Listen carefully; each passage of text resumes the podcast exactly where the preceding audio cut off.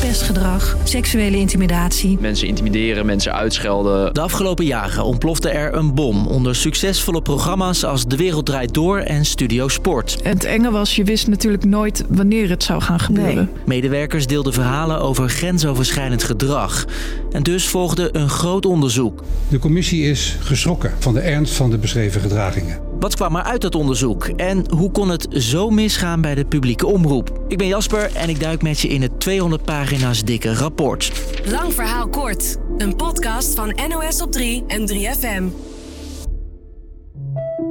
Oké, eerst even, waarom moest dat onderzoek er komen? Daarvoor moeten we terug naar 2022.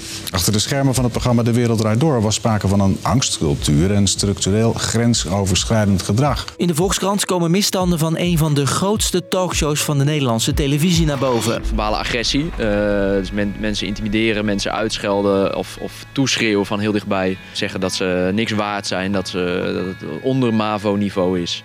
Journalisten van de krant spraken meer dan 70 mensen. En ook op andere plekken deelden oud-medewerkers hun verhaal. We scanden eigenlijk als redacteuren de hele tijd de stemming. Ja. En niet alleen van Matthijs van Nieuwkerk, maar ook van zijn onderdanen. Dus je bent eigenlijk continu op je hoede. Ja, ja het was natuurlijk voor de schermen ook een fantastisch programma. Uh, ook een programma met veel aanzien. Ja.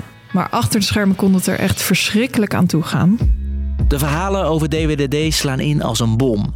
Van staatssecretaris tot omroepbaas, iedereen reageert geschokt. Dit kan echt niet. Dit kan niet. Mensen zijn veel belangrijker dan kijkcijfers. Als die signalen echt zo zijn, ja, dan is het echt bijzonder kwalijk dat daar niks mee gedaan is. Flash forward naar 2023. Weer een Volkskrant-artikel. Deze keer over NOS Sport.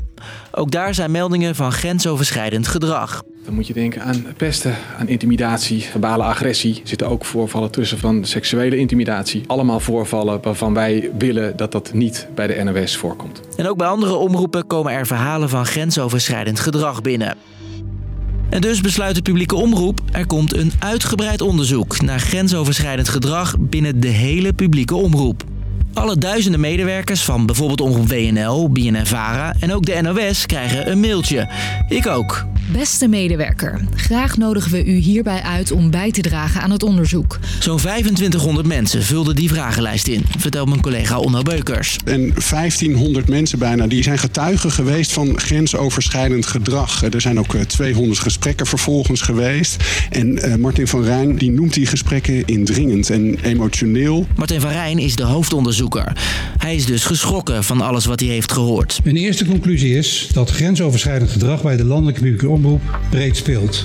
Als drie van de vier respondenten aangeven daarmee te maken hebben gehad, dan is er echt wel wat aan de hand. In veel gevallen grepen leidinggevenden volgens de onderzoekers niet of te weinig in.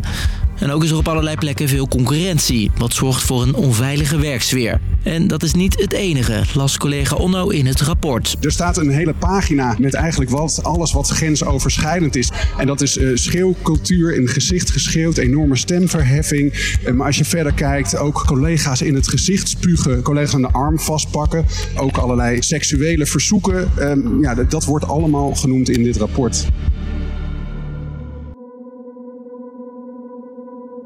Veel mensen reageren geschrokken op de uitkomst van het onderzoek. Ook de baas van de NOS, Gerard Timmer. Laat helder zijn, dat zijn natuurlijk signalen die je niet wil. En die ook niet passen binnen de NOS. En uh, dat willen we niet. Dus daar moeten we hard aan werken. En volgens mij is de belangrijkste aanbeveling dat we er moeten zijn voor die mensen die de moed hebben gehad om naar de commissie te stappen. Als laatste hoorde je hier Frederike Leeflang. Zij is de baas van de NPO. De commissie noemt erkenning voor de melders en goede nazorg als een van de belangrijkste dingen die nu moeten gebeuren. Toch is er op het hele onderzoek ook kritiek, bijvoorbeeld van de vakbond voor journalisten.